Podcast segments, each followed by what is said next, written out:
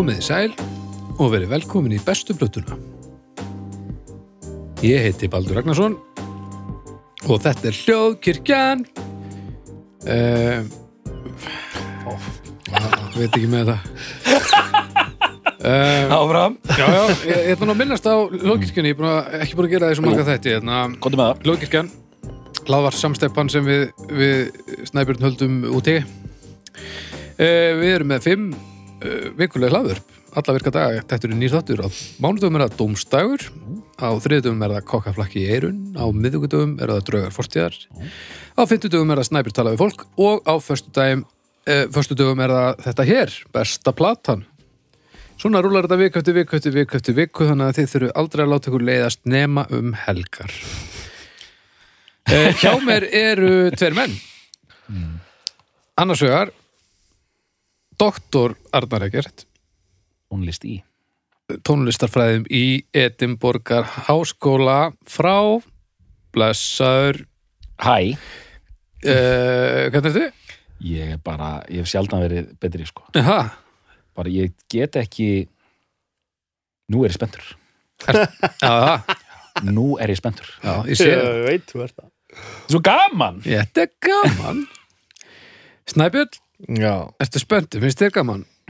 já, mér finnst pínu gaman núna sko Já, þú ert ekki alveg jafn spenntur svona, svona visuált. Ég er endar mjög spenntur fyrir þessu þætti en ég er eiginlega svolítið spenntur fyrir hvað doktorinn er spenntur Já. Ég held að það sé stór partur af því hvað ég er spenntur Það er gaman þegar doktorinn er spenntur. Já, Ú, Þeir eru svona þrútnar af tónlistarspennu. en þetta er líka skemmtilegt umræðefni Þetta? Já, þetta er, Við erum að tala um veislu sko þetta er alveg þetta er einna, þetta er risamál sko. Já, við erum líka að fara að ræða uh, kollega okkar uh, bræður í tónlist og, og almennum viðhorfum náttúrulega bara. já, já, já. En uh, við ætlum að ræða og kannski sérstaklega þið eins og venjulega Jú, bestu plötu Oasis. já hafðu það Það er ekkert annað Bestu plötu vinarinnar. Það er vinnin Vi, vin, ha, það er, Já, vinjar, vinjar vinjarinnar. Nei, Ég fjandinn ætla ekki að skafa bæði lagi Við skulum alltaf ekki eða vin- megnur af vinjetuna. þettinum í að- að- að að fallbega íslensku útgáfuna af Oasis. Yes Gaman þegar hérna Oasis kom fram að því að þá loksins var þetta að setja einhverja diska í óið Já, meina það. Vá, byrður við. Hvað erum við með það? Það er OMD Já. Vá, það er ekki margt Nei, það er ekki. Það er ekki mikið að frétta það Obituary. Obituary, já. Orbital? Uh, Vá. Uh, þetta organistinn í Hallgrímskirkju. Já, Þetta er nefnilega, þetta er alveg furðu og þarna var alltaf komið risa band Nákvæmlega. Það var nokkra diska í óinu þetta er, þetta er, þetta er Ég er bara Þetta, þetta er fallegt. Takk, takk fyrir í dag Takk fyrir Þetta er svakalegt Já. Já Uh, eru þið klárir í þetta verkefni? Já, já, já, já, gerum þetta já, já, já, ég er það, ég er það, ég er það, ég er það Það er margt að gera, er að segja það, ég er það, er það. Byrjum Já, við þurfum að tala svo margt snæpit. Byrjað þú þetta. Segðu okkur nú hvað þú komst með og af hverju. Sko, besta plata með Oasis Já. er önnur plata sveitarinnar Það er þessi plata hér Það er bara þannig. Platan What's the Story, Morning Glory. Mhm. Oasis stopnuði í Manchester Borg 1991 upp úr rústum einhverjar annarar sveita sem ég manu ekki hvað hétt uh, þá voru held ég þrýr í því bandi. Va, Var það reyn? var það ekki bara reyn sem þið voru í Paul, Paul Jú. og, og Tony Jú, ég held að, já, reyn Ég held að hún hafi þetta reyn og þeir sparka söngvarunum og reyna að finna nýjan og finna mann að nafni Liam Gallagher The Rain, jú. The reyn The Rain. Ok. maður kikkaði doktorinn inn þetta var vel gert, vel gert, Jep. vel gert Vel doktorað. finna mann að nafni Liam Gallagher uh, og þá held ég nú að bandi fái nafnið Oasis strax Já. Uh, þeir, þeir fara að dunda sig við að semja lög eitthvað svona eins og maður gerir, spila eitthvað pínulítið eitthvað. Og eru að spila á einhverjum klúbbi þetta eru nokkur gig sem eru spiluð að á þessum tíma sko. Er að spila einhverju klubbi og þar er sem sagt eldi bróður Líam er að vinna sem rótar í einhverju an annar ljómsitt held ég, eða bara staðunum eða eitthvað. Í Spiral Carpets. Já, það svoleiðis.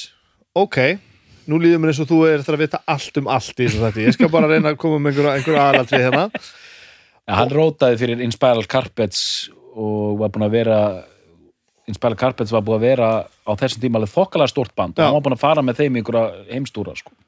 sem Já, gítar, já. gítarrótari sko. Já, já, já Hann allavega sér litla bróður sinn syngja með þessu bandi Oasis bandi finnst nú ekkert mikið til bandsins koma þannig séð en, en, sé sér svona leika borðið þegar hann hefði nú verið að dunda sig við að, að semja lög að hann gæti nú bara tróðið sér að í þessa hljómsveit og látið þessa gutta bara sem, flytja lögin sín. Þetta er nefnilega, þetta er svo, þetta er svo skinsanlegu grunnur að, svona- að stopnur á bandi. Já, já, þetta, hann, hann er bara með hostal takeover hann býður um þetta og þeir segja allir sko að hérna, þetta hafi náttúrulega verið guðsending í rauninu á sínum tíma. Þess að þess að þið sögðu sko að þeir voru hann með, með, með þrjú fjögur lög og allt í hennu áttu 20 eða eitthvað, allt í hennu komin ægilegu sarpur.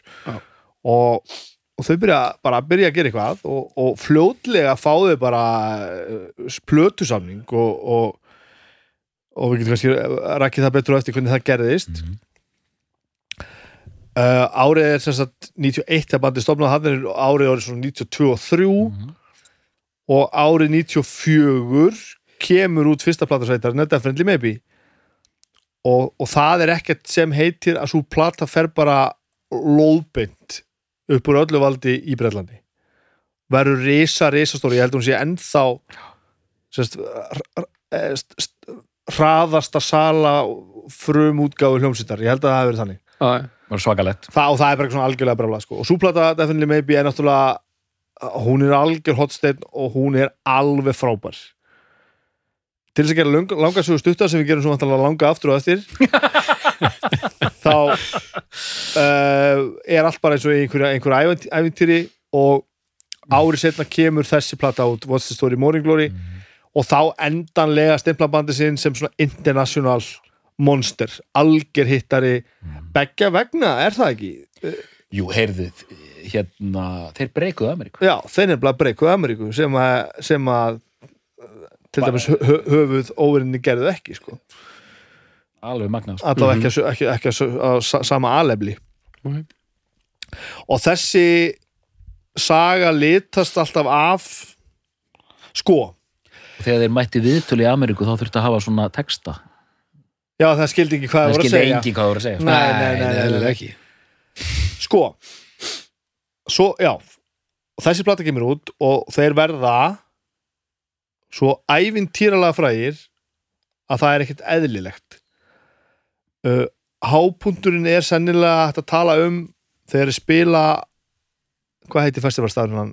Nebsworth já, Nebworth já, Nebworth. það sem festival. sagt uh, það, það, já, svona festival site ég held Já, að já, það já, sagt, spila bara á þeir spiluðu bara gigið Já uh, Þeir settu held í tvö gig í sölu Capacity þarna var 125.000 manns Settu tvö gig í sölu Og Þannig seldu sér 250.000 með það. Mhm. Og Það voru 2,5 miljón manns sem var reynda að fá með það. Þeir hefði getað selt 10 sinum upp. Það var með ólíkindum sko. Tvær og hálf. 10 sinum, þetta var, þetta var flott starfæði Þeir hefði getað selt 10 sinum meira Þeir getað selt sér 20 Já, sinum upp. já, og býtu, og, og, og var ekki auka tónleikar eitthvað? Nei, gerðu bara tvö gig, ég man ekki af hverju það var. Bíddu, Vantaði allan bakalút tíð Þa, á? Það er 80 Hei góður, góður, góður þetta var gott þetta og var hérna, og hérna þarna sem sagt nær þetta einhverju svona að ég held að megi alveg segja einhverjum ofbóðslegum einhver hæðum sko Mm. og hann er náttúrulega búin- að gera hluti sem enginn hefði gert áður þetta voru svo ævintýralega stort eh, þriðja platan kemur út hvað? 98? 97, 97? Mm Já. Be Here Now. Be here now. og súplata er alls ekki á pari við þessa tvær. Ó nei, um, og þá er bara svo bensinni sér búið á tanknum. Uh, í mínum huga er samt fyrri hluta Oasis hérna kaplans honum líkur þarna. Mhm. af því að Já, eftir bí hérna eftir Já. hérna á af því að fyrir mig, sko, eins og hérna eins og það er nú mikið, mikið að tala um þessar tvo bræður Mhm. sem er náttúrulega rosalegu litur í, í hérna, í þessu öllu saman mm. þá eru þarna sérstaklega tveir menn sem má ekkert taka úr breytunni Mhm. sem eru Pól og Pól sem eru Pól Bonehead já, sem að heitir sko að Pól Arthurs Já, sem er Bonehead aha, og Pól McGigan Gixi þessi tveir menn, gítarobassi gríðarlega mikilvæg menn sko. Tony McCarroll trómaði fyrstu blötuna eh, og þeir ráka hann eftir það af því að hann var bara ekki nú góður sko. þeir sögðu bara, já, hann fyrir náðu ekki en hann, hann gæti ekki trómað þetta sko. Mm. og þá var Alan White ráðinn held ég bara eftir það og trómaði uh, þessa blötu já, já What's the story? Já, já, og næstu plötu Mhm. Og held ég eitthvað meira. En eftir þessa plötu eftir hérna, hvað heitir hún? þriða plötan? Bí hérna Be Here Now, ég bara kom Here Now Be Here Now.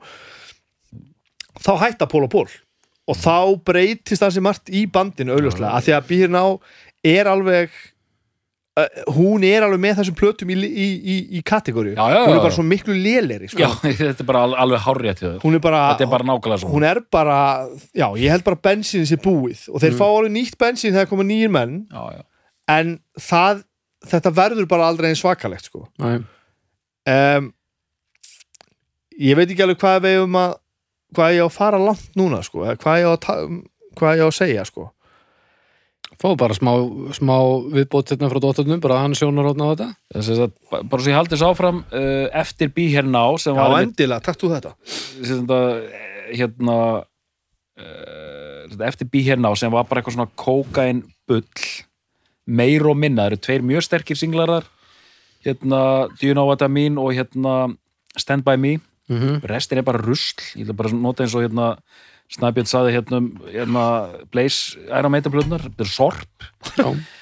síðan inn að gera þeir Standing on the Shoulder of Giants mm hún kemur 2000 2000 eða 90 2000, Já, hún er bara ekkert sérstök.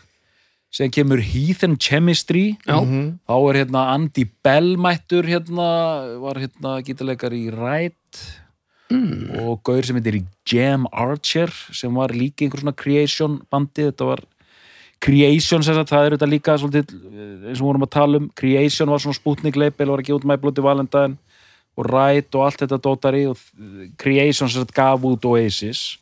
Þannig að þetta var sko underground band í þeirri merkingu. Um, Já, sko ég held nú samt að sagan sé svo að þegar allt kom til alls þá var það Sony sem Já. sænaði það worldwide já, já, já, og Creation licensaði það í UK þannig að þeir voru ekki alveg eins underground Nei, eins og þetta leit út í, í Bretlandi sko. Nei, og þetta var einmitt allavega eitt Það pínu- á underground band bara allar tíma leppur þarna. Já þeir fengu pínu, pínu credibility að því að voru svo rat leipúli sko. Þetta, þetta var einmitt uh, á þeim tíma einmitt þegar sko Creation var að fara, fara yfir sko og bara það voru allir að fara yfir þarna 94-95 bara í einhverju svona kókaðin Kókaín orkið fyllir, sko. já, já. Mm.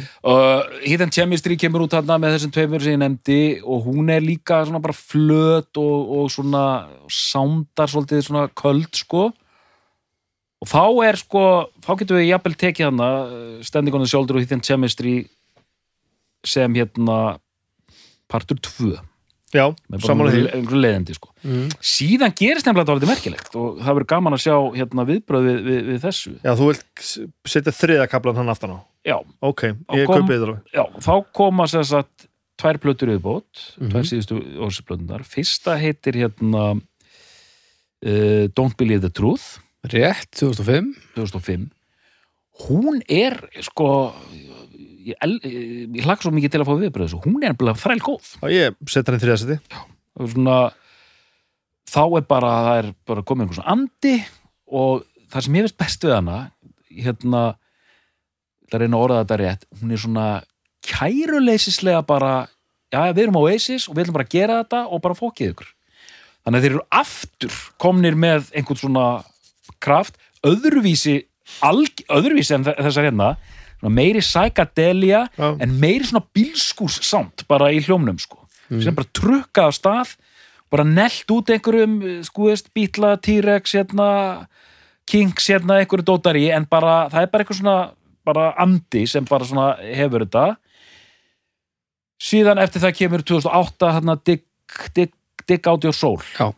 Uh, og hún er svona svona framhaldirinn af Don't Believe the Truth. Mér fannst hún svo leiðileg, ég var að lesa dóminn minn um hann á sínum tíma en ég þarf eiginlega að endurhugsa það sko, ég held hún sé bara alveg, alveg svipuð hinn, er þú með eitthvað um þá blöð? Ég man, var rosa lítið eftir Hún þér hún er alveg í svipuðu templati sko og bara, ég var að, ég rendi henni aðeins í dag og bara, þetta var bara fínt sko. Og end of story Morning Mhm. Glory. Já, er, er það ekki, þetta, var, þetta er síðasta hljóðspundum á Oasis. Síðan fer þetta bara, þú veist, Liam tekur hennar soloferil sinn og þetta High Flying Birds og þetta. BDIs og... já, já, já, einmitt, einmitt. Uh, þetta er sagan sko. Við skiptum eins og millokar hérna, félagarnir, Já, þetta var fallegt þetta er svona ferillin Ef við höfum í greiningar aðeins meira, mm -hmm. þá held ég að það þurfi engin að fara í alvöru, alvöru reyfurildi þar að lútandi að þessar tvær fyrstu sé ekki bestar.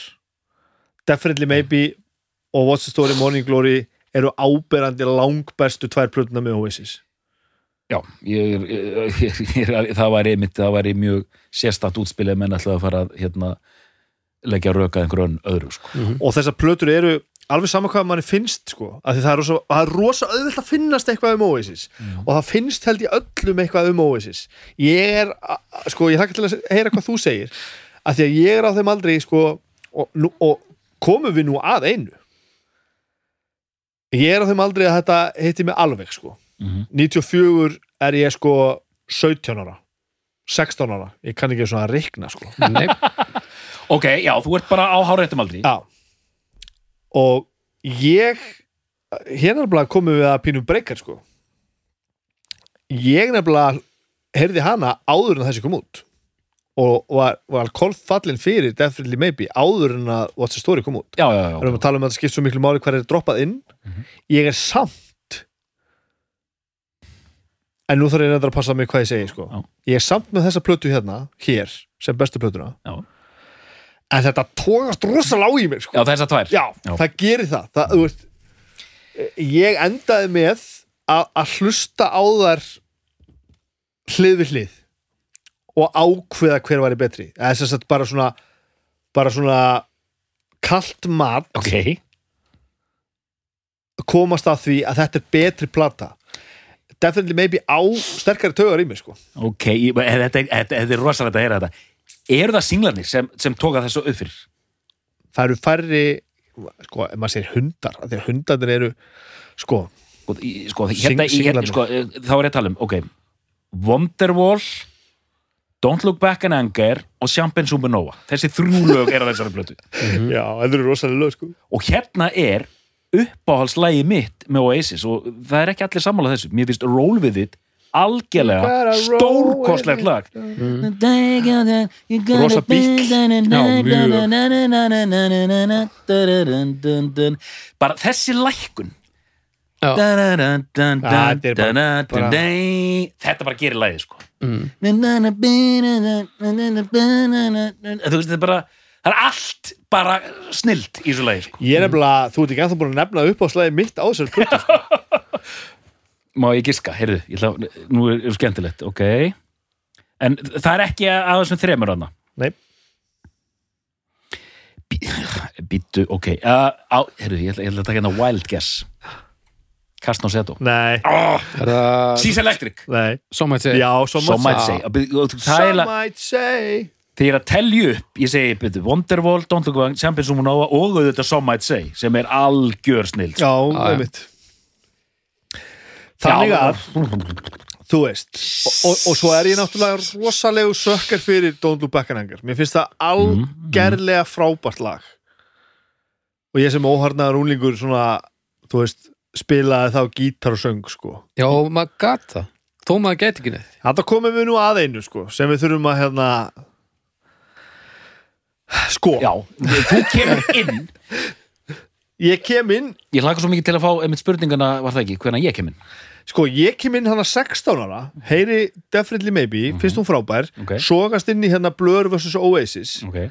sem er alltaf varð strax til Já, já, og alltaf bara, þú veist, breska pressan sko, Oasis náttúrulega byrjaði því að, að, að, að hérna að lýsa því yfir að þeir voru ekki partur af þessari nýju bylgu sem allir var mjög og skýt á sig yfir. Þetta, þetta svo kallaða Britpop sögðist bara ekki taka þátt í þessu þetta væri bara rugg er gríðarlega staðfastar yfirlýsingar er að lútandi. Það var alltaf ekki tekið í mál og alltaf dregnið í það og það var bara vildu Battle of the kalla Brits sig? alveg leið, hvað séru?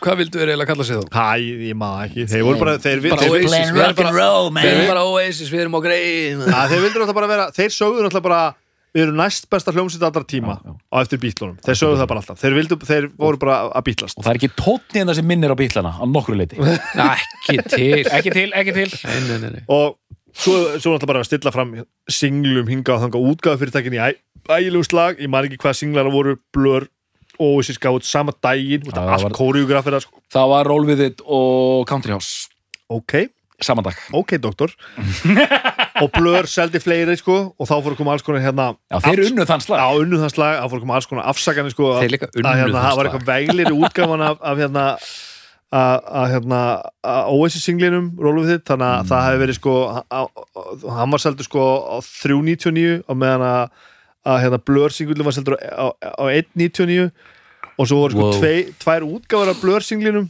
þannig að bjöliðin var ekki svo sama þannig að Hard aðdánunum myndu þá kaupa bæði og svo fór hérna útgáfur ekki Oasis bara hérna að bera fyrir sig bara já, svo strikamerkið eitthvað bilað á okkar það var allt volið svona, þetta var alveg sturlað og strópað sko. Snillingar og þarna var bara, ég man og ég er svo ánægð með að hafa upplifað þetta ég Mhm. upplifði alveg vam djúran djúran sko. Já, já, þú ok. varst bara í öðru liðinu Já, og mér fannst blör bara kjánulegir já, já, já. en eh, skal nefnt, það rjáttlaðist mjög hratt af mér og ég fór að hlusta á bæði böndin eh, hlið við hlið og svo sildi blör mjög öruglega fram úr sko þetta 97, 8 og upp til 2000 sko, var ég miklu miklu meira gefin fyrir blör heldur en Oasis sko. Og er það enn þann dag í dag? Nei, svo nefnilega e- er eitthvað við þessar tvær plötur hérna. Kannski að því að ég að, því að ég sko var þetta megin upphálega þannig að þetta á einhverjum svona taug í mér. Að því ég sé svo marga það er svo margi sem eru á mínum aldri Mm. Sem að tengdi ekki við þetta þá eða voru þá blör megin eða eitthvað sko eða bara letið þetta fara í töður á sig sem bara náis ekki og finnst þetta bara ógeslegt og asnalegt sko. Þetta? Já, það er rosa mikið bara, uh, er bara eitthvað, þetta er allt samanlægið sem er svolítið rétt sko, þetta er svolítið mikið samanlægið Sko, ég á mjög undarlega innkomi inn í þetta band. Okay. Mjög undarlega, Það er gaman. Það er gaman sko. Ég, við talið Damon Albarn eða eitthvað. Nei, sko, ég og þá, það er, við, við fyrum alltaf inn í þetta sko, aldurinn sko Já. að ég er, þegar þetta kemur út þá er ég 20 ára Já. Þannig að það, þú veist, það voru þetta svona því miður, einmitt, það lítur að vera frábært að vera þessum aldrei þetta kemur út sko.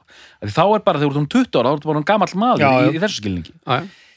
Ég man nefnilega mjög vel eftir því Ég var rosalega mikið að hlusta á Ride og My Bloody Valentine og Slowdive og þetta shoegaze dæmi Já, Já, já. sem er svona cirka 88 til kannski 91-92 og ég er að lesa Melody Maker á fullu og lalala og ég man mér þess að því ég hætti að lesa Melody Maker orðið 19 ára er bara svona fann að pæla einhverju öðru man ég að kom svona lítil auðlýsing frá einhverju nýri það voru Oasis. Ég man bara, ég sá andlitið á, á Liam Gallagher. Ég bara, djöfull, er þetta ljótur gaur maður? Og hérna, óspennandi maður. Þetta er, þetta er ræðilegt.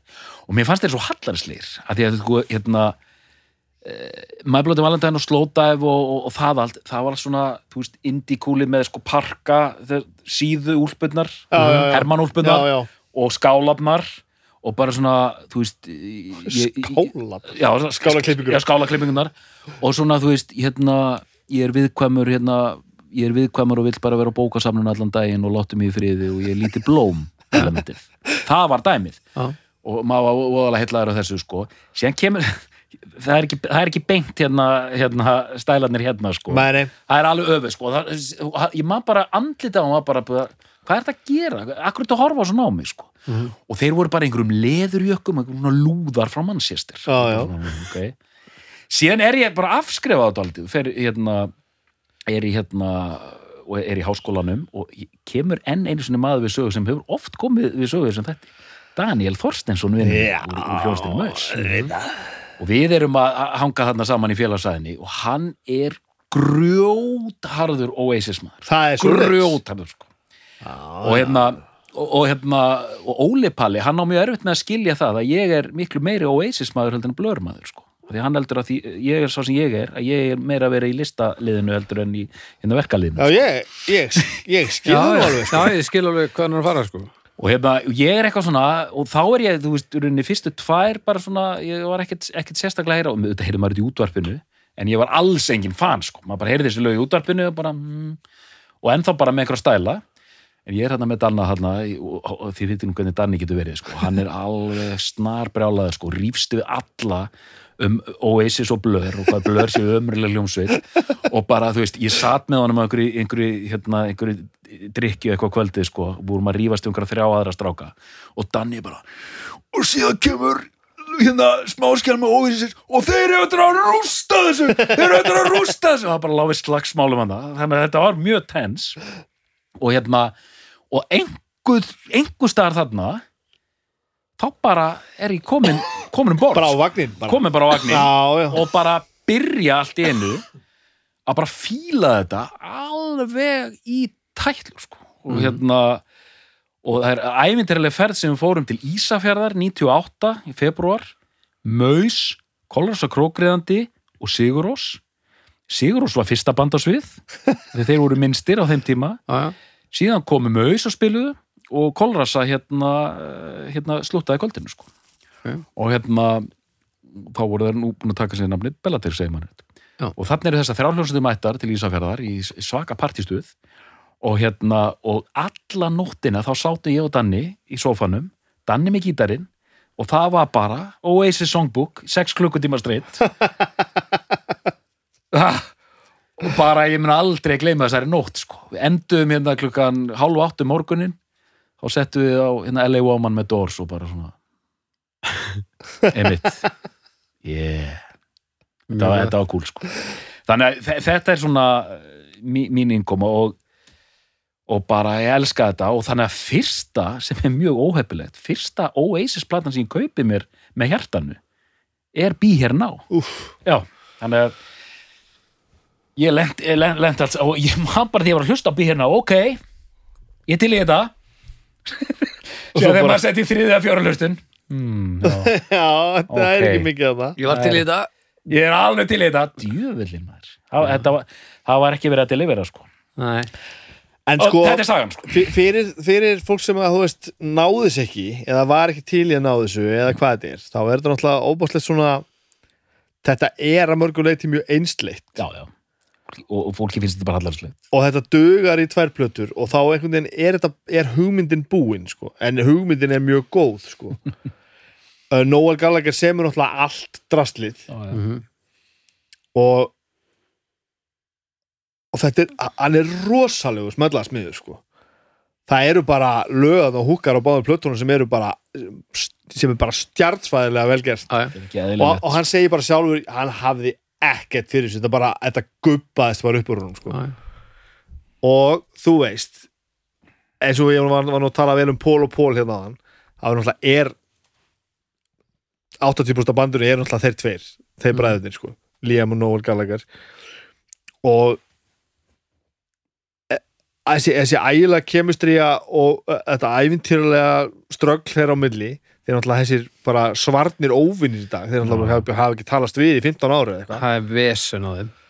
Og náttúrulega alltaf endalösa kjaftasögur um að þetta sé sko sé snjallasta markastrykk í heiminum sko því að comebackið sé alltaf handan við hodni sko. að, að bú- þeir, þeir eru náttúrulega báðir búin að lýsa í margofti og að þeir allir aldrei að hittast aftur hvað þá að spila saman aftur. Já. uh, nema að Liam Gallagher er nú oft svona sá sem er svona brýtur það og bara já, nú finnst mér að kannski að vættum að skoða þetta hann er blokkur eða eitthvað það færir alveg svolítið minna borgað heldur en, heldur en því En að þessu sögu, eins og þeir eru nú báðir miklir fucking fávitar, þá eru þeir glæsilegir, báðir. Sko, ég veit ekki hvað Liam Gallagher getur. Ég er ekki vissum að sé mjög margt, sko. Hann er náttúrulega, alveg saman hvaða smekk þú hefur á honum, er hann frábær söngvari. Hann er með einhverja, Bæðið náttúrulega stórkostlega skemmtilega rödd, sem getur náttúrulega að fara í geðvikt í töðunar á þig. á þér. En hann er náttúrulega líka með eitthvað attitút bara a- a- þú veist, hún er með drull. Hún er með drull um allt sko. Á meðan Noah Gallagher er svona meira svona hugsandi gaur en hann er líka í viðtölum er hann náttúrulega algjörlega stórkostlegur, hann er svo blönd og heiðalegur alltaf sko. Hann einmitt segir um þriðu plötuna bara já ég samti hana bara allt og hratt af einhverju fyllir í sko, ég get bara sjálfur mér um kent hvað hann er léleg, þú veist hann er ekkert að já. út af það sko. Og- og ægilega hreinskilin og glæsilegir eitthvað. Og, og það þetta bætir alveg á þetta þú veist þessa mystík og þetta þú veist einhvern veginn þessa, þessa ímynd. Það er þetta nutt á millera bræðra sko. Ég vil líka nefna sko uh, það sem gerist með Oasis hérna bara hérna og einmitt, eh, eh, já, við þurfum að tala meira um bræðina, þetta er svo stórkostlega allt saman. Hérna, það sem gerist með Oasis svona menningar sögulega að það, hérna þessi bönn sem ég nefndi á þann, maður blóti og Alendan og rætt allt, allt þetta Eh, að því að eitt þarf að taka við öðru einhvern veginn, það var svona, þú veist, þetta er svona arti áhersla, þetta er svona listaskólabönd sko. Mm. Oasis koma inn og það er, það er meðal annars útskýringin af hvað þeir springa mikið út að fólk hafi greinlega verið að býða eftir þessu sko. að þú veist, við erum búin að vera með heila sögu þú veist, þú ert með Sex Pistols alls, allt þetta sko, punkið síðan koma kannski sko, hérna tölu, koma Smiths það er samt svona bókasaps element sko. já, já. síðan kemur Happy Mondays og Stone Roses og þú veist, og það er eitthvað svona, jú, jú, eitthvað svona smá hippa, psychedelic dæ- dæmi, sko, en síðan kemur þetta sjúgeist dæmi og hérna, svona arti, sko þannig að koma þeir. Þetta er í rauninni dálítið bara íla það hafði ekkert verið gert svona almennilegt bara sem punkið var. Að þannig er svona ekkert pretense, skilur. Þetta eru bara algjörlega the lads. Já, já. bara gaurarnir já. algjörlega strýpa niður Mm. með skiljanleg lög bara beint af kunni Mhm. með frábæran frontara. Eitt, eitt bara flottasti frontmaður söguna hann er ógeðslega flottur og þú veist, þú veist með þessi lög, þú veist með þessa rödd þú veist með þetta attitude og þú veist, fólk hafði greinilega verið að býða eftir þessu bara loksins kom einhver tónlist fyrir mig já. gaurinn á hérna, hérna í, í verkalýsblokkinni sko. það var dálítið það sem var að gerast sko. já, já, já. og bara ég, ég blæs á allt þetta sko, einmitt, doktorinn gaggrindu fyrir það sko, er, ertu nú ekki dýpar en þetta Arnar minn, ertu að fíla Oasis sko, mm. þetta bara það séu bara einhverjir hérna villeysingar og, og hérna heimskengjar og allt þetta. Já, og já. maður bara svona bara, hei er hefur ekki gaman að góðri músík? Já, þetta er pínuð það sko. Uh, hvað er að því að hafa þetta, þetta alveg einfalt sko, skemmtileg Þetta er Já, má, má ekki stundum vera gaman? Þetta er einhver sirkus náttúrulega, það er alveg þannig. má ekki vera gaman? Uh, og hérna þetta er, já, bara já, bara hvert, hvert voru konni með þetta sko? Sko, hattrið gagvart Oasis í setni tíð beinist ekki beint að Oasis heldur öllum trúbadórunum sem er að spila Oasis. Lí, líka allavega, já. Mikið, ég held bara þessi ofbóðsla áspilun á lögunum Sko það er náttúrulega mjög Litar. margt þarna sem að er mjög auðvelt að vera illa við. Þeir bræður eru náttúrulega fucking fávitar og þeir eru, ef þið farið töður á, á þeir þá hatar þá Já. Músíkin er mjög einsleitt þannig að ef að þú ákveður að þetta sé ekki þitt þeng þá er mjög auðvelt að, láta þetta fara mjög mikið töður á sig að þetta er allstaðar Já. Býttu, ekki búin Britpoppið sem movement Já. varð náttúrulega eins og við tölum í um í hvaða þætti um daginn hvað vorum við að tala um? þættinum Pulp þættinum, já. Pulparana fórum átt að tala um sko og, og, og nefndu við þetta hvað var þetta? Þetta Britpop veist, þetta var náttúrulega bara einhver svona, einhver svona movement, þetta var ekki tónlistar Nei, nei. þetta var ekki tónlistarbilgja, þetta var svona menningarbilgja já, já. og þetta tók yfir allt og það var mjög auðvelt að láta þetta fara í töður sérstaklega að þetta tæm, þú kannski bara mannst ekki eftir því sko. þetta straujaði allt En ég meina, ég var strax bara mjög pyrraði þegar þú sagðir menningarbilgja og Oasis voru bara fremstir í þeirri bylgu og voru bara einhverju svona flaggberar þarna einhverja svona nýrar einhverja nýra ströma Mm. og þeir voru náttúrulega bara allstaðar óþrólandi það var bara þannig byrju, menningabilga hvað, Nei, bara orð ég bara, Já, menningabilga. Ja, en, en þetta, sko, Britpoppið var auðvitað, einmitt, það var tónlist, það var tíska, það var viðþorf, það var Algjörlega. stjórnmál algjörlega Já, en en verkalýsflokkurinn tappaði inn í þetta Já, og, og það var sko. MTV náttúrulega bara varð bara að þessu, það var ekki bara tónlistin það var bara allt Er, er eitt hérna sem ég verið að segja ykkur ég hérna, var út í Manchester Mhm. og var með svona lilla kameru með mér og sendur hérna út á mókanum var að hérna segja fréttir að bjarkartónleikum í Manchester Ok.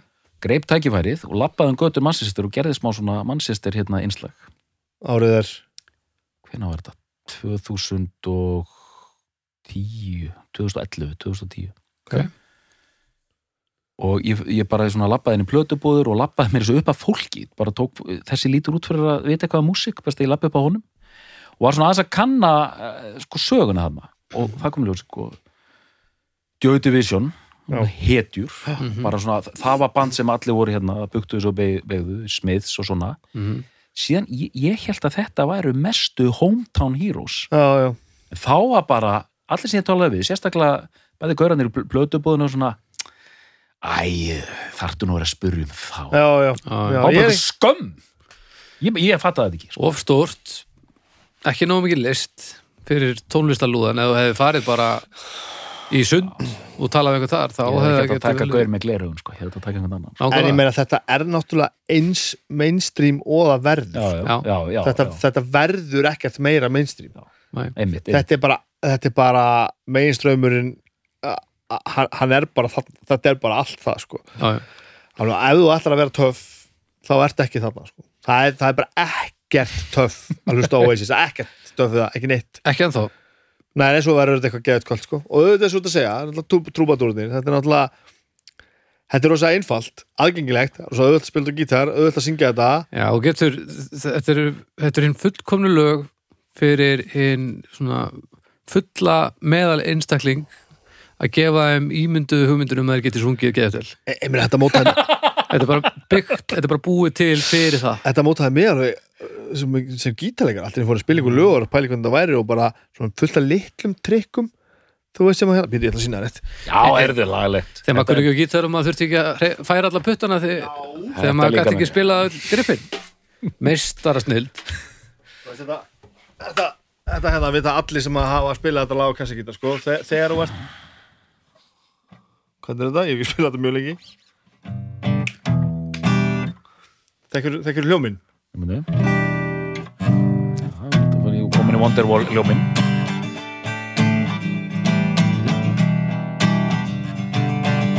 með þetta genu já, Trikkið er sko.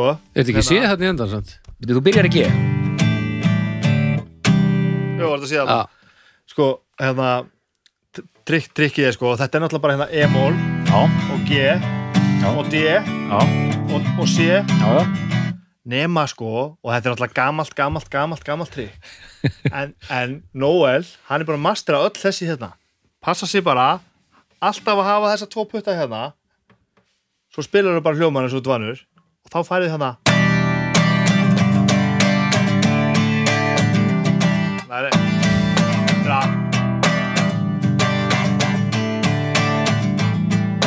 I don't believe in anybody in the way I do.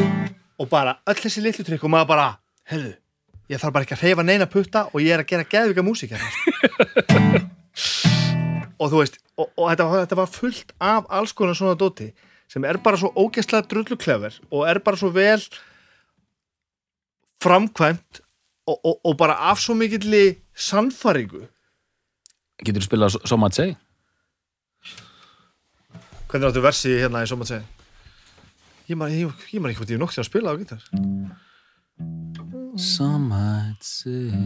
Man ekki undir. live another day da, da, da. Þetta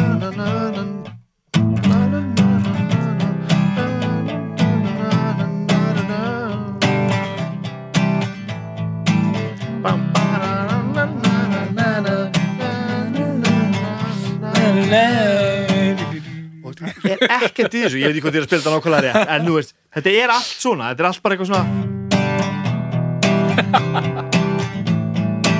já, já.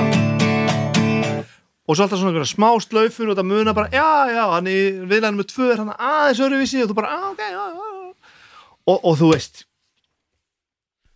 það veist, gerist þetta- eitthvað stórkvæmslega annað, sko Hérna. Að kemur hann? Nú kom alveg, er- nú er pæla- Ég vissi þetta myndi endi singalongi Haldur tekið við. Einn, tveir og Þú veist, þetta er bara eins og ef þú tekur Þú veist Ef þú myndir taka þetta?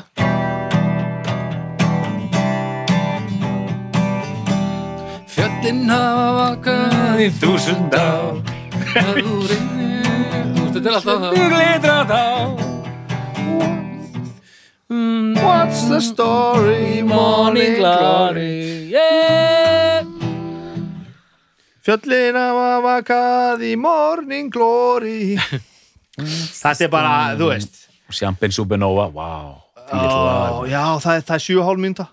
Og það má ekki að stittra, það er Nei, glæsilegt sko. Það er glæsilegt, það er, þetta er epist, epist lag sko. Við fórum hérna það er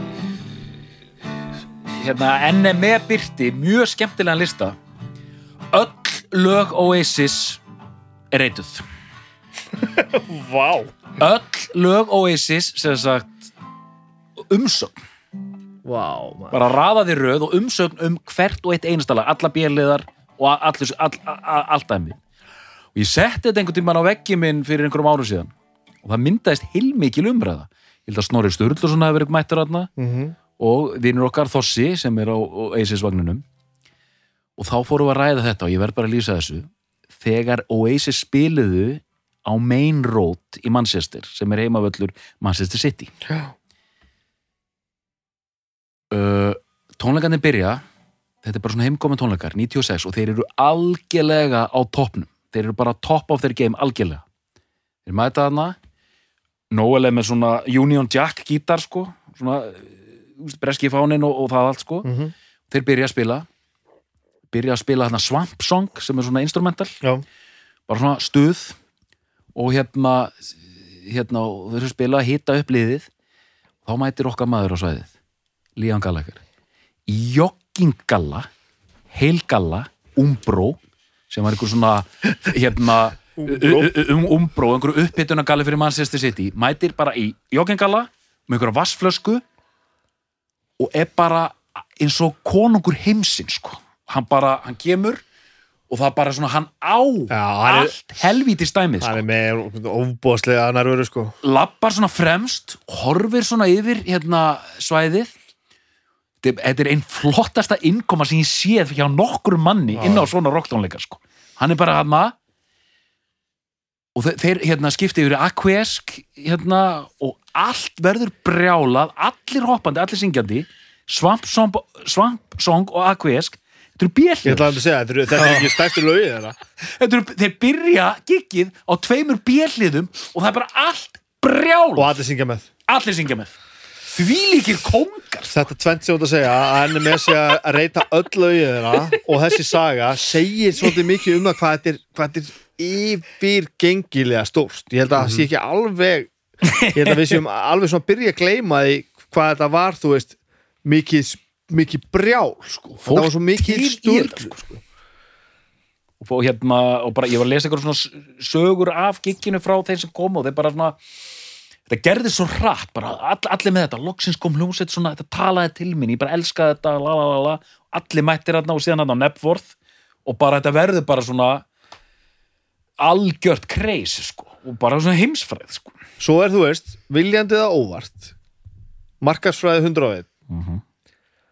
hafa eitthvað um að tala og það var alltaf eitthvað um að tala í kringum þetta band þeir voru alltaf að slást já, já, já, já. Noel var að hætta og fljúa heima einhverjum túrum og hætta í bandinu og þú veist að þú veist að einhvern veginn að setla það og, og, og þú veist eh, eh, Noel saði einhvern tíma hann óskaði þess allra, allra heitast að allir í blur myndu fá AIDS og deyja. Og það er náttúrulega hann þurfti bara að senda bara skriflega afsökunarbeðni til þess að vera ekki bara tekin að lífi sko. Veist, fullt alltaf svona Já. alltaf eitthvað að frétta. Uh, auðvitað, músíkin heldur vatni sko, en stó, stór partur af, af fræðinni var náttúrulega bara þetta var, þeir voru alltaf í fréttunum þeir voru svo mikið tabloidmantur Já, sko. þetta var endalust þeir æla stælis og æla þóttu æla myndalegir og veist, einhvern veginn bræður sem var svona þú veist, litli og stóri og eitthvað svona. Já, já. uh, uh, en eins og þetta segja og eins og með Liam Gallagher hann verðist ekki geta saman lag til að bjarga lífi sínu sem sýnist, sér svolítið núna í setni tíð eins og hann var að gefa sóluplötu bara fyrir tveimur árum eða eitthvað. Og það var meira þetta mál fyrir hann að var eitthvað að velja úr lögum og fá einhverja svona til að semja með sér sem var bara fyrir sig já, basically, já, já. af því að hann getur ekkert gert nema að standa fremst sefla tambúrin og, og, syng, og syngja og vera náttúrulega hann Mm. og bara Larsen Life, hann er það. Á meðan að bróður hans er bara að reyðja frá sér lögum og bara pródusera og gera og dunda sér og, og, og, og, og svona græða þetta allt saman. Mm. en kannski ekki með þennan óbóðslega út, útgeislunar sjarma sko, sama sko.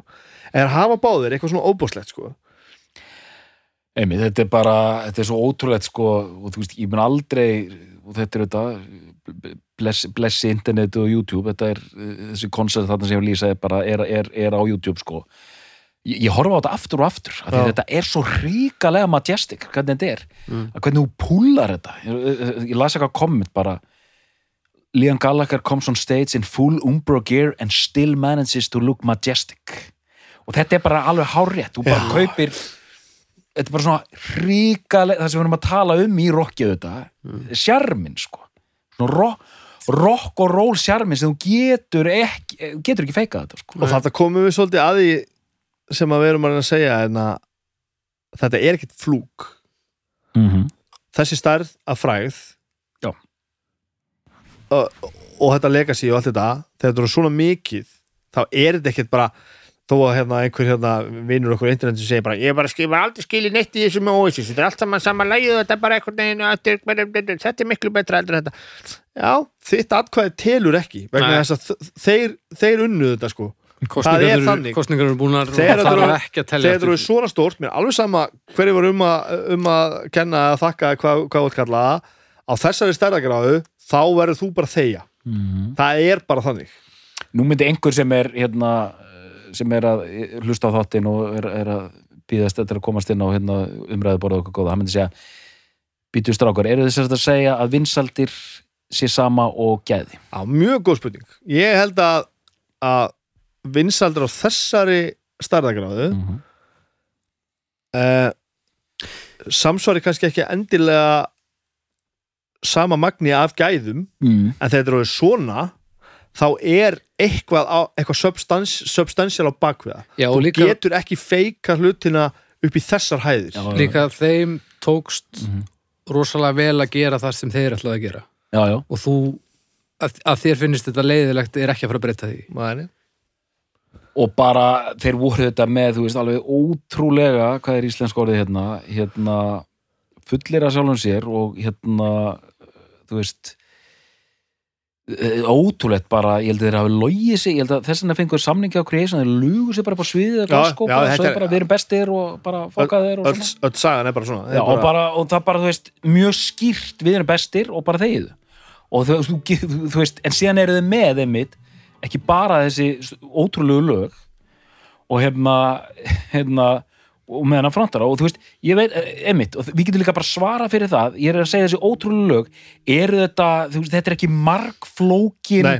listræn hérna, eitthvað svona gæsáðalög þannig og þetta, er einfalt, þetta er catchy og þetta lögin hljóma öll bara þetta, þetta, minnir með okkar lag á Rubber Soul og bara, já, já. bara what the fuck sko, en þú veist, það sem þessi lög eru þau eru eða, þú getur farið í þetta sko, þú veist, það er ástæð fyrir þú veist, þessu miklu vinsaldum þessari fræð sko. Já, þau eru uh, það, það, e, það geta allir tilenga sér þessi lög Þetta eru þannig lög, það geta allir sungið með og, og það dottið inn í það þau sem varst að tala um áðan með þennan artdraslið allt saman mm -hmm. sem blör voru náttúrulega miklu meira í þá Já, já. Svona, svona arti strákar að gera eitthvað glúrið pop já, eitthvað já, já. uh, þessir hérna gaurar gallagabræðinir þeir komu bara svolítið niður á göttuna til þín sko. já, já, þeir einmitt, eru bara að spila hérna bara verkalegismúsík sko. já, já, það er bara ekki það er ekkert arti við þetta Ekki þetta er bara, þetta er bara stál og nýfur bara bara sinnum hundrað sko. sem er ótrúlega fyndið með hvað er setja sig á háan stall svona fyrir utan músíkina í rauninni, hvað er, eru miklar rockstjörnur en samt er músíkin óbáslega mikið svona Já, þeir eru, ekki, sko. þeir eru samt ekki sko þeir eru ekki svona flassi prímadonnur þeir eru bara dúsbak sko já, þú veist, auðvitað, Já, auðvitað já. prímadonnur skilur já. en, en þeir eru ekki sko þeir eru ekki svona stereotypisk popstjarna þeir eru bara meira svona húligan sem Já. verða frægir sko. ég skrifaði mitt mjög mikið af litlum fréttum um Oasis sko. þetta var endalaust fæði sko. og hérna og það var einn innanhúsbrandarinn þegar maður þarf alltaf að búast til einhver innanhúsbrandar við byrjuðum alla fréttir af þeim alltaf það á ekki af þeim galdakribræðinum að ganga. Allt, við byrjuðum alltaf á þessu. Nú, ég var að fletta upp hérna það á ekki af þeim galdakribræðinum að ganga. Nú er í, í smíðum ný breyðskifa eitthvað svona kjæftaði sko.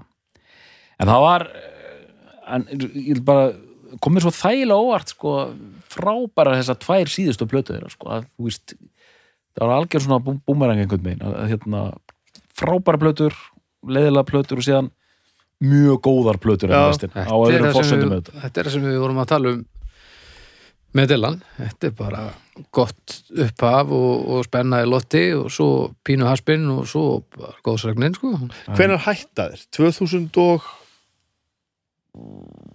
hvað var það, 2000 2010? 2008 eða 2009 eitthvað svo leiðis já, 2000 og- Læði hérna Læla af hérna Don't Believe the Truth, það er frábært þetta er frábært lag. Er þetta, það er allt sem að Nóa Gallagher er það ekki, ég meina hans samdita búið jú, jú það það- það er allt nógu Gallagher þessar 2009. tvær plötur. Það er kannski ekki mikið af svona brjáluðum smellum en þetta er allt nógu Gallagher og hann er svona hann er bara aðeins rólegri hann, bara svona meira, hann er meira að djamma þetta hann er bara meira að láta þetta flæða Mhm. en það virkar eitthvað svo vel þeir eru bara afslappaðri sko. og það gerir þessar tvær síðustu plötur svo vel sko. þeir eru bara svolítið stífir bara shit, hvað er að gera eins og við vorum lítið afslappaðar á þessum tíma samt, sko. Já, það svona, kærandi hvern annan og allt ykkur maður það svona, veist það var aftur komið þessar tvær plötur þetta, að vera með bara svona þetta effortless dæmi sko, sem er, þú veist, hvern- hvernig hann semur lögin sko, en þú veist, þess að þetta er svona það harðari, sko, það er eitthvað svona lús bara góðu fílingur sem tveimur síðustu já, plötum, sko. Mm. og bara flott svona en þú veist, það var kannski ekki þetta að fara svo með þetta neitt lengur nei, þessi, þessi stardóm var náttúrulega orðin svo Já. brjálaður sko, og líka bara falli var svo hátt. Það var svo erfitt að fara að ná sér eitthvað alveg upp sko.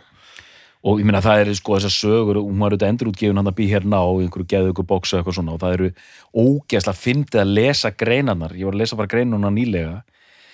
Já, það voru allir komnir í svo rosalega ham í Bretlandi gagvart plötunni blaðamenn, aðdándur og hljómsveitin sjálf. Þetta var orðið algjört svona hérna hérna klæðlösi keisarin sko. Já, já, það var bara ekki hægt að nefna það af því það voru allir komnir í svona frensi sko. Já. Bara já, geðu þetta. Og síðan bara komu dómarnir. Geðu þetta plata, frábær plata, þetta er meira áttar, meira áttar og síðan var verið að tala við þessa sömu blaðamenn núna í dag og þeir bara "Ha, ég, ég, bara ég, ég veit ekki hvað ég var að skrifa sinni. Noel segir sjálfur manni núna, einhverju viðtali manni hann sagði sko ég var alveg blindur á þetta Já. og mér fannst þetta að vera frábært og það fannst öllum þetta að vera frábært. Ég fattaði ekki fyrir við byrjum að spila þetta live Já. að bara, þetta heldur ekki vatni og, hann, og það sem er svo Shit, hvað er ég, ég er mikill Noel Gallagher maður. Hann er náttúrulega klálega minn maður hann sko. Hann segir alltaf allt svona hreint út. Já, já, já, hann er aldrei að fela nokkuð skapaðan hlut. Ég hef nú nefnt þessa þætti áður. E, þá er ég að tala um hérna Dave Grohl. Tjekkið á Lars Ulrik þættinum þar sem Mhm. að tala við Noel Gallagher. Það er algerlega frábært. Þannig á Beats já, já, já, hérna headphonea YouTube rásinni já, já, já. Ok. briljant, ljóta að geta slegið bara inn Lars Ulrik og Noel Gallagher. Hann er alveg glæsilegur. Hann er alveg glæsilegur. Hann sagði það var heldur rétt þegar að bandi var að hætta.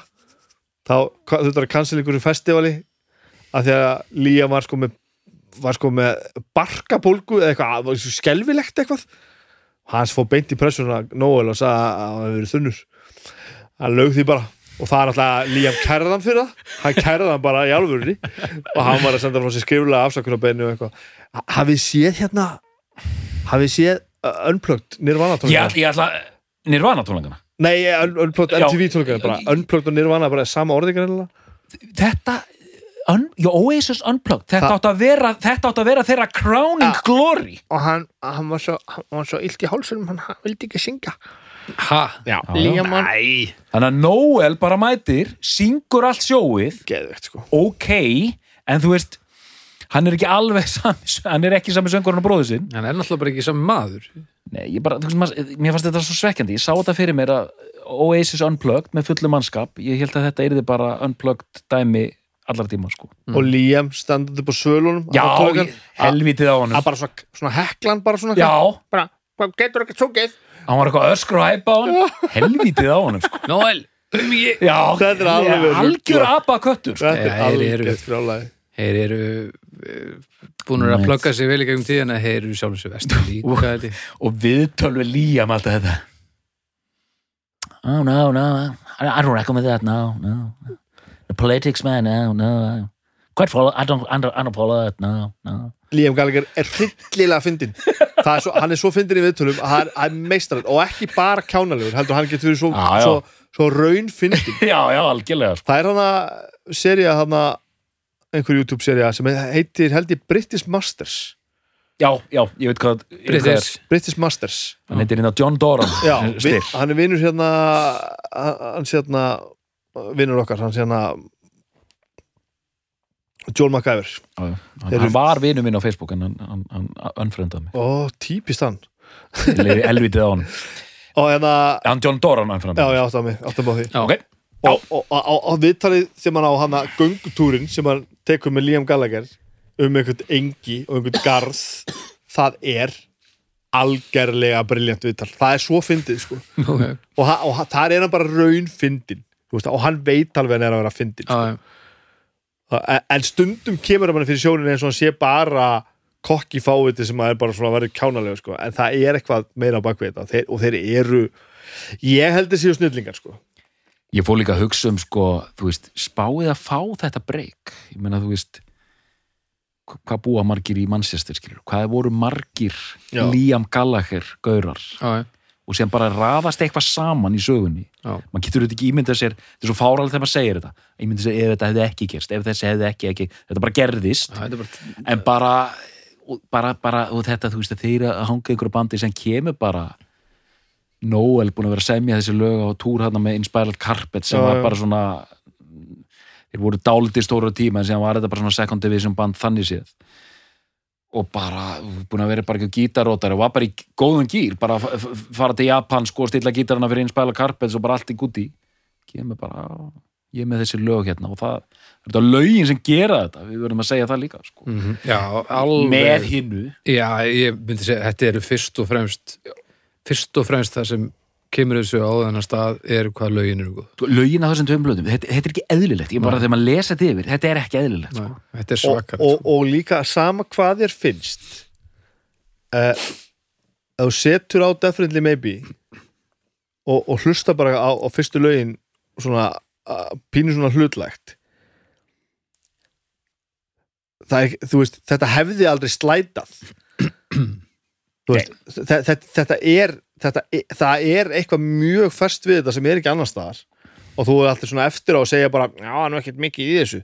Bara, það er eitthvað rosalegt svona gust og fresh air sem kemur Já, með þessu bara, og soundið og attitútið og bara pródúsingin og allt og bara, já, auðvitað varði þetta að einhverju þú veist, þú, þetta, þetta er þetta er bara á einhverju lefili betra heldur en restin. Ég meina þú veist, þetta er svona eh, þú veist þú bara kasta niður hérna einvís, hvað heitir þetta? Hérna hönskonum eða hvað sem þú gerir, bara fyrsta lagi heitir Rock'n'Roll Star. Mm. og bara já, já, já, já, akkurat bara, þetta er bara attitude og yfirlýsingin bara, við erum mættir. Og við ætlum að, við ætlum að, hérna, við ætlum að rocka og hérna og það sem er svo og þar eru þetta lag sem er mér þykir alveg einstaklega væntum sem mér finnst alveg ótrúlega flott, Live Forever, það er alveg You and I ótrúlegt gonna lag. live forever. Því líkt lag, útrúlega bara svona fallegt og anthemist og bara Maybe. I don't really wanna know. How the garden grows Cause I just wanna fly. Maybe. Maybe. Na, na, na, na, na, wanna be na, na, na, na, na, na, na, na. Þú eru að minna flókin út eh, tóntegund af því að þeir, þeir spila allt í góðu tóntegundum og síðan Maybe I really wanna know. garden grows Cause I just wanna fly. Lately. Have you ever? Þetta er algjörlega og síðan fara þær í, í falsettuna. You and I gonna live forever.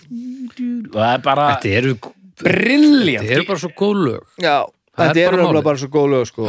Og það er og já og maður man þetta bara. Þetta bara límist á mann einhvern veginn. En hatrið er raunverulegt. Oasis hatrið hjá sumum er bara, það er stjórnlust sko. Já, ég, ég teki, já, þetta er alveg merkilegt sko. og ég skil það mjög vel. Já, já, og það er það bara þannig sko. að skoða þessa pressu hérna, sem ég er með? Er þessi pressa þetta alveg merkileg. Ég, af því að ég er farin að halda einhver sé að hérna sé að stríða okkur, Nú, því ég átti þessa plötu eru þetta hvað kom fyrir? hérna ég átti þessa plötu og þá voru aðrar myndir sko. Hvað er þetta, endur taka sig? þetta er, er algjört rugl sko. það, var, var svona mynd og ég man maður tók út hérna þá var svona svart eða þú veist það voru svona myndir að þeim og svona Þetta er eitthvað 2014 eða 15 eða eitthvað endur útgáfa sko. ég hérna þegar ég, ég seldi einu sinni meiri hlutan af vínilunum mínum og meðal annars seldi ég þrjár Oasis plötur sjátti uh, Definitely Maybe What's the Story Morning Glory Be Here Now allt á orginal vínil kom út á þeim tíma og hef vist bara frekar dýr. Hver gett þetta? ég man það ekki. Ég, ég, bara, ég segi ykkur það, ég sé eftir þessu. Já, ég er ekki að segja. ég, nei, ég, ég skil það alveg. Við erum hérna með tvíopnarlegan hérna, það eru tvei, tveir vangir og svo eru hérna tvær plötur. Já, þetta er mjög flott sagt, og hún var eins og þessi með svona hérna já, ekki þrýrvængir, hvað getur við kallað þetta? Það er Hún svo tveir vangir, hún opnast tviss var sem Hún sagt, opnast tvisvar. opnar eins og gatefold og svo að- gatefold og opnast innra sinni gatefold sem er ekkert annað heldur en bara grafíkrunga því að það er, það er ekkert hérna inn í en fínasta, sko, þetta er þykkari pressa heldur en þetta er sömulímiðanir en þetta er þykkari pressa en, en orginalpressan, sko. Eitt því svo þurfum við að ræða hér með þetta eintak sem ég kefti í London. Já, hún hefur brotnað vittlust sem sagt, það er ekkert brot til plötuna, tökum við það fram. Eh, nei, já, já, já, já, umslægið er sem sagt, kjölurinn hefur ekki, já. ekki brotist um á réttum stað. Ég man að þannig að hún, svona, hún er öll svona skökk og lítur ekki vel út í hillu sko. Titillin fellur ekki á kjölin þetta er svona einhvern veginn allt, allt köðst og í klessu sko. ég man að ég átti uh, Definitely Maybe vínillin var bara mjög straight gatefold já, á meðan þessi var einmitt í þessu eins og eitthvað hefði misennast sko. hún var svo einmitt svona klastraðri einhvern megin sko. Já. þetta var ekki alveg að ganga upp sko. og Þú ert búin að opna vínilinn þá er svona eins og þú sést Dungeon Masterinn og þeir að fara að spila Oasis roleplayið og ég Það var til það. Ég var til, ég plantur á nól Það er bara tveir klassar, það er Liam og Noel og svo er bara rifist í fjóruð klukkutíma því líki menn sko, sjá þessa myndir að þeim hérna. þetta er þeir alveg eru ótrúlega sko. glæsilegir. Ég, ég er ánægð með þá. Ég er ánægð með að báða haldið að verði comeback? Ég segi já. Ég held það líka. Ég er ekki að halda það fram að þetta sé leikrit því að helvítur eru þá búin að halda lengi út já, ég skil ekki alveg sko það sem ég skil ekki er ég hefði einmitt haldið að það væri löngu komið. Já, og þú veist, báðir aðilar er að fara þannig séð ekki neitt með bæði sín verkefni sko. Það er gaman að tala samt við tala við hann, ég hef aldrei tala við hann heyra að tala við hérna Noel Gallagher. Hann virðist vera ansi heill í því að finnast bara fínt að vera hann. Að þetta hafi verið já, með hérna High Flying Birds sem vera bara með það. Já og, og maður svona skinnjar á honum að þessi, þessi öfgafræð sé eitthvað sem hann þurfi ekkert að, Nei. að díla við aftur sko, því að voru svo þetta var orðið svo rosalegt sko. En svo er þetta líka með svona liðarverkefni eftir eitthvað risa stórt aðalinn sem er að búa til er yfirleitt ekki sammála fólki sem segir að það sé ekki frábært sko.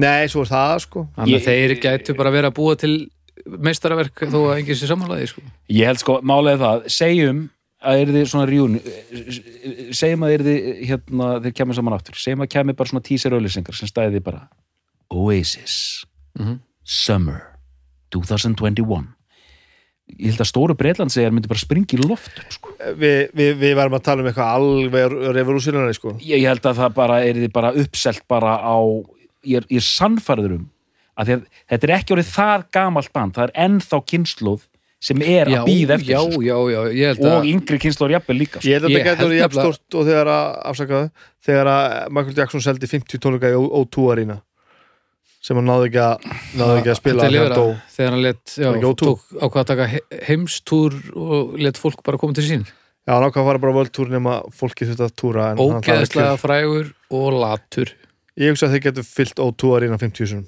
Heldur það? Já, En hva- Hvað ætlaði að segja, Baldur, með þess að endurkomentónu? Hvað sér Hva, hvað ætlaði að segja með þarna að- ég greip fram fyrir Já, þér. þú, að, Já, það? já, þú ætlaði að segja eitthvað um- Ég, sagði, ég myndi að stóra breyða myndi springu í loft upp Já, ég, veist, ég held bara að þetta sé ég held að yngra fólk að þetta sé alveg relevant fyrir brettan bara, ég held að þetta sé orðið svo rótgrófið í breska tónlistar menningu að, að það færu allir að sjá þetta ef þetta myndi poppa upp áttur Já, ekki mannsistir fólki allavega. Ekki nema mannsýstu fólki Ekki- ekki tónlistafólki, heldur En- en- fólki Já, Ég, kannski. ég held að allir í Breitlandi sem eru fættir á árunum 70 til 80 ef þetta það myndi, ég held að það myndi bara allir fara. Ég held hann bara líka. Og, og, og annað sem að myndum að tala um Þetta er heimsfrækt sko. Blur til dæmis breykuð aldrei í bandaríkjum nei, nei. Gorillaz er miklu miklu stærra band heldur en Blur var nokkuð tíman að því að Gorillaz náði að fara begja vegna við hafið sko. Mm. sem, sem að við sjáum ekki sko. Hvernig, þú, þú ert fættur 84 hvernig, hvernig kemur þú inn í þetta? Þú er 10 ára að þetta kemur út. Já, ég er náttúrulega heyri fyrstu plötunum bara hún kemur út út af þér. Út af mér? Og svo bara hlusta ég á þetta alveg hillilega mikið og ég l- er að læra að spila á gítar þá er ég að að spila þetta. Já. það er bara svo leiðis Það var góðu tími til þess að verða hljóðfarleikari Það búið að vera allir þetta fegin- helvitis íþróttametallin, allt þetta. Svo kemur bara Nirvana og Oasis og Já. skýtlegt að spila lögin það er hillilega erfitt fyrir litla baldur ef að, já, kannski maður ætti að fara að taka upp gítarinn og þú verður kannski með mig sjúka bara eða eitthvað. Ég meina, það var ekkert grín að það var gítarleikari og þegar að fann heilin var stærsta bandið, hvað ætlar að gera eiginlega? Nákvæmlega, bara ekki það. Ég ætla að koma eitt gott hérna með Yngve Málstín eða Blue- einmitt 72, 73 það er bara Genesis og Yes og hérna Jethro Tull og eitthvað svona bara. Já, nú nei, þegar er kannski- hljóðflæði Rush, er þetta ekki eitthvað?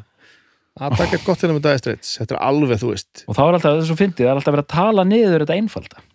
Já, já, það er eins og flókis í betra, sko. Já, Það er það, sko. Eitthvað, já.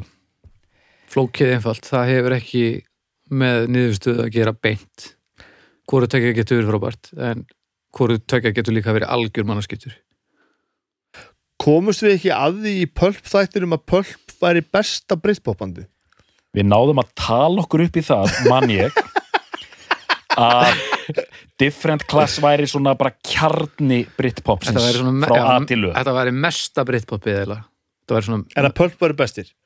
Já, e- e- ekki bestir, heldur að, Pulp og þessi plata sérstaklega different Já, class, different class. Já, Hefði verið bara definitely einhver svona- já, já, já, já. hefði bara verið einhver svona kjörnun Já, já, á já. allir í hugmyndafræðin í Já, kringum Já, ég, held að það sé bara dálítið mikið til í því sko. Það er sangjant, sko.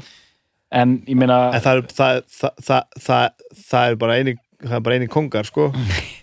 Já, þetta er alveg saman hvað mann finnst þá er bara þá er bara það er bara eitt, eitt fósettið þarna, sko já, allavega þú spyrir þá. Já, bara sölu, tölur og, og allt, sko. Það var árið, árið, eitthvað að rýma maður. árið 19, sölu, tölur árið 1996 það var ekkert starra að gerast. Nei, þetta er svakalegt sko. Gaman hvað er, sko, við erum eiginlega með fjögur já, það er Sveit Sveit, Oasis Blur og Pulp voru, við vorum eitthvað að grínast líka með börfi fymta, já, vorum að tala um vörf eða súpergrass sko. Já, og fengum alveg pínu skít fyrir það á umræðagrúpinni Aha, Fólk var eitthvað, já. eitthvað ekki ánátt Hvað er einhverjir að tala um vörf sko. Það eitthvað- brettar í grúpunni Já. Það er, þetta er svo gaman að þessar umræðagrúpi því það, það, það fáið þessi öll svona indislega komment sko, sem að sjálfur hefði skrifað. Já, að vísu Að vísu finnst mér þetta. Sko, á EP-plötunni þá voru nú vörveila svona for og öll svona komment er mjög velkomin Já, þetta er- þetta er það sem gaman, sko. það snýst um sko. allt, Já, já, já. allt svona Nóa þessu sko Heyri, Já, kútarnir já, Kútustu. já, kútustu, já, já. Við ætlum að fara að slaka okkur í uppgjör Það var bara ekki, það var ekki nóg sungið sko. við þurfum að fara að syngja meira sko. já við, erum að, við erum að taka eitt lag áður hvað er með það? Við you know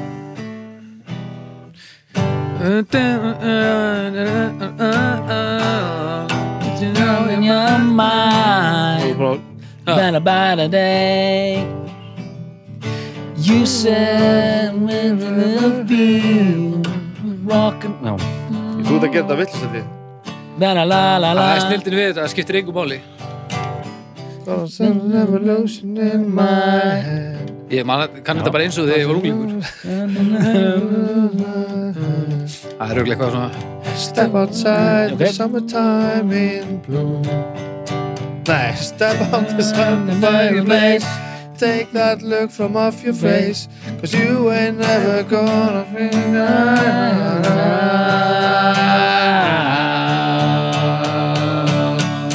Koma hér ykkur She knows it's too late as she's walking on by. So slides away, but don't look back in anger. I heard you say, dum, dum, dum. Já, já, já, já, glæsilegt Vel gert Já, Ok. já, já. Don't look back in anger. Snabbi, Uppgjör. eitt uppgjör, takk Hérna, já. Og gaman að hlusta á þessar plötur í aldraðanda þættinum, sko, aldraðanda um þættinum, að því að þessar tvær alveg Það sittur það sér mikið í manni sko. ég held að ansi, ég held að þetta hafi stýrt mér meira tónlistarlega heldur en ég kannski gerði mig grein fyrir það, þetta, er, þetta lifir í mér sko. hvernig ég spila á kassagítar svolítið mikið og, og bara hérna já bara ansi margt sko. Já, þetta færði mér allavega að mér leið eins og ég gæti átt erindi að spila gítar. Já uh, ég er búin að fara fram og tilbaka efast um sjálf mig alveg út og inn sko. Tengt þessu hvora, nei bara ég er búin að vera svo lítið hvora plötuna sko ég myndi velja það er eitthvað meira töff sko að velja definitely maybe. Já, það er meira, meira, er meira orginal sko. Happy in Pose, sant uh, hún er bara ekki jafn góð. Æ, sammála. Það er bara ekki jafn góð plata og þessi hérna. Tilfinningarlega er ég örugglega aðeins tengdari hinni en, en, en og ég man með þessi eftir að fara ekki um tímabil það sem ég fannst þetta hallarslegt og ég var ákveðin í til dæmis í því að þessi væri bara ekki jafn góð hinn sko þá er þetta bara svona at the time sko. Mm. það fannst mér svona bara veist, þegar að voru var að fucking drepa allt sko þá, þá man ég að mér, mér fannst bara já já ok ok ok þetta er kannski svona það var orðið svona off eitthvað. En í retrospekt þá er þetta bara heldur vatni alla leið sko og þessi plata af þeim tveimur er betri. Restina ferlinum Ertu ekki sammála því doktor að restina af ferlinum er óþarflega léleg Já, ég meina veist, það er of margt sem gerist of slæmt með að hvað þetta er frábært Já, ég meina, einmitt, ef þessar tvær eru algjörlega frábærar uh, B.H.N.A. er að mínu mati, ég veit að fólk er ósanlega, er mjög léleg. Já, ég mér finnst hún algjört sorp sko Hina tvær eru bara, skulum bara segja það, lélegar Mhm. og síðan svona réttaðir úr kútnum með bara tveimur mjög fínum plötum. Decent plötum Já. já. Og þetta er sagan. Þannig þetta, Þetta er mjög sko. að þessar tvær neglur bara, þarna kemur þetta eins og, eins og svo oft. Og þetta Og- sem varst að segja á þetta með að bara heimintunglin bara, bara raða sér sko All Algjörlega. meðliminir, tíminn, Já. tíðarandin pródusjónin, allt einhvern veginn sko og svo magna hvað hérna, B.H.N.A. er bara eitthvað svona líka nánast eins og þetta hefði, verið, hefði geta gerst öðruvísi, eitthvað svona epic fail Mm. einhverju, einhverju gaurar úr einhverju verkalýs mannsist er bara búin að taka of mikið að kóka inni Mm. og eru bara einhverju geðveiku rugli sko. og eins, og- eins og þú sagðir sem hann mættur upp á svið með lögin bara æjá ah, ah, Átti ég þurfti ég að vanda. Þannig að þetta er alveg, og bara, við elskum líka þetta bara, þetta band, þetta er bara svona, veist, svona, bara þessar rock sögur. Já, það er þetta er, allt það er þannig sko Það er allt annað, sko. Eitt sem ég er ekki búin að tala um og mér langar að tala um það er hérna og var alltaf frá upphafi og ég, sem partur að ég mér- fannst þessir eh, MTV tónleikar alltaf svolítið skemmtilegir ég er mikill sökkar fyrir því þegar að Noel syngur Nú, já, já. uh, Ég er ekki hann syngur ekki mikið sko. af lögunum nei og, og svo, hann syngur stundum eitt vers og svona á milli Já. það finnst mér oft skemmtilegast að blandan þegar þeir syngja báðir sko. en ég er mikil sökkar fyrir og ég er Noel megin sko. það er þannig sko. Noel megin í lífinu uh, og svo ég klári þetta uh, hérna uh, gildi þáttaraðarna besta platan er svolítið enn og aftur að koma inn hérna sko eftir að hafa hlusta á þetta í aðdraðanda þess að þáttar svona náðu svo þessari fjarlag sko þá svona var svona fyrst skipti í mjög mörg ár þar sem ég var að hlusta á Oasis svona, ja, besta best að setja á hérna plötu með Oasis. Það, ég hef ekki gert það síðan ég veit ekki hvena sko. Ég hef bara einhvern veginn alls ekki verið fyrir mér sko að gera það. Og það getur bara vel verið að ég geri það aðeins meira núna sko því að ég, þetta var bara drull gott. Já, það var já. bara setja bara setja bara fjóra hliðar með Oasis bara í, í stofunni heima bara svona í, í góðu fílinga að elda hakk og spæti það er- það er bara næs þetta er og eitt, og eitt í viðbútt þetta eldist vel. Þetta er ekki orðið nei, þetta stendur. hallarislega pródusjón þetta er sko, áttu ykkur því þetta er 26 ára gamalt sko. Þessi er 25 ára gömul þessi plata. Já, það er rétt. Það er mjög mikið. Ætla þið sko. Doktor, allir þú ekki uppgjöru þetta? Jú, heyrðu. Jú, ég, ég, ég get bara að tala þetta endalast sko. uh, Gott rock. Uh, ég er mjög spenntur, þú veit ekki hann búin að segja hvað er Já, já, það hérna, sko uh, Já, maður, maður, maður vil alltaf vera svo vitrænt hindi endan eh, Sko, þú veist eh, hérna, já, ég ætla að tala um þessa plötu Já, sagt, mér finnst þetta að vera besta plötu á þessi yes, ok. Búm uh, en ég er alveg sammálaðir að það er alveg close call með þessar tvær hérna ég, en ég, ég bý kannski að því ég hef ekki sagt, ég hef svona jafn mikil tilfyllingatengsl mætti segja við þessar tvær. Og í rauninni eins og ég sagði á það fyrsta platan sem ég kefti mér með hjartanu var bí hérna og þessar kefti eftir á þannig ég uppliði þær ekki í rauntíma þannig séð. Síðan bara fyrri platan ég veit að gróft að segja þú veist, fyrir mér er það nánast eins og þú veist, hún er algjörlega frábær en þú veist, hún er nánast einhvers konar drærun bara upp að þessari sko. ég, ég, hérna, eða, þú veist, minnst þessi nei, ég ætla ekki að segja þetta hún er ekki mikið betri, en hún er betri segja það bara, ég ætla að nota það orð hún er betri, hún er bara betri það er hérna, einhvern veginn sterkari lög rúla betur og þetta er líka bara einhvern veginn eh, þannig er þeir einhvern veginn, þetta er bara toppurinn á tilvörinu sko. þetta er bara svona pinnakul sko. en eh, þú veist, ég ætla samt að segja það núna í þriðaskipti að fyrsta platan er líka algjörlega stórkostlega sko. já, hún er ógæðislega þetta er algjör sko, hún er grófari það er Já, svo hún- grófari plata. nú grófari sko og bara einmitt svona svolítið svona einsleitari þá kannski að einhverju leiti en svona rosalega flott statement. Þessi bara algjörlega frábær og það er bara það er bara hálfu millimetri hann á milli sko en What's the Storm Morning Glory er bara besta plata einnar bara bestu rockljónsettar sem fram hefur komið bara í, í dagu tónlistasögunni þú ert er alveg þarna bara Já, ég meina, sko Já, ég meina, þú veist já. Ég vil ekki vera að setja þetta í, sko Já, miða við að þeir eru eitthvað la, la, la, la, nei, la, nei, sko. nei, nei, Þetta er bara svona ég skil. En verður þú svona- sammála, sammálaður eftir 50 ár?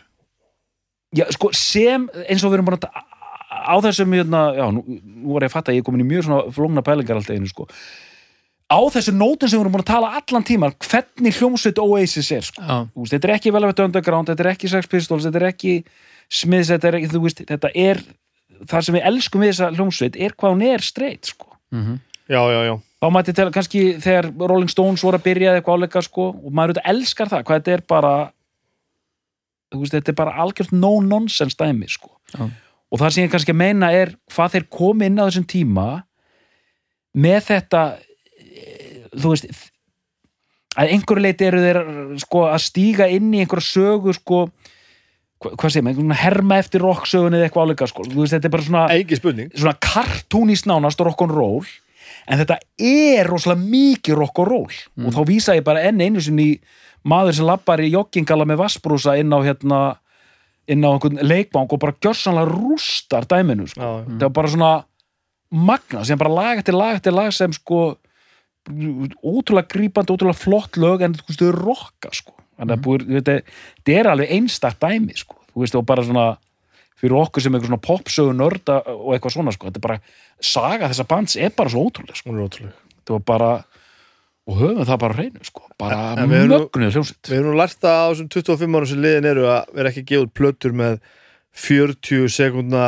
tveimur 40 sekundar lögum sem heit ekki neitt og er ekki neitt og eru bara fyrir manni þegar maður er að hlusta sem voru samt ekki voru þau upprunalegu Jú, jú, Já, já, Untitled og Untitled 2 Já, ég held já. það. Er það? Já, þetta er bara eitthvað, eitthvað rugl hvað flip Já, já. Þeir eru flippaðir. Já, það er djúðul flipaði maður, svolítið arti Nei, nei, alls ekki Þannig að Snæbjörn, er þetta besta plata Oasis? Já,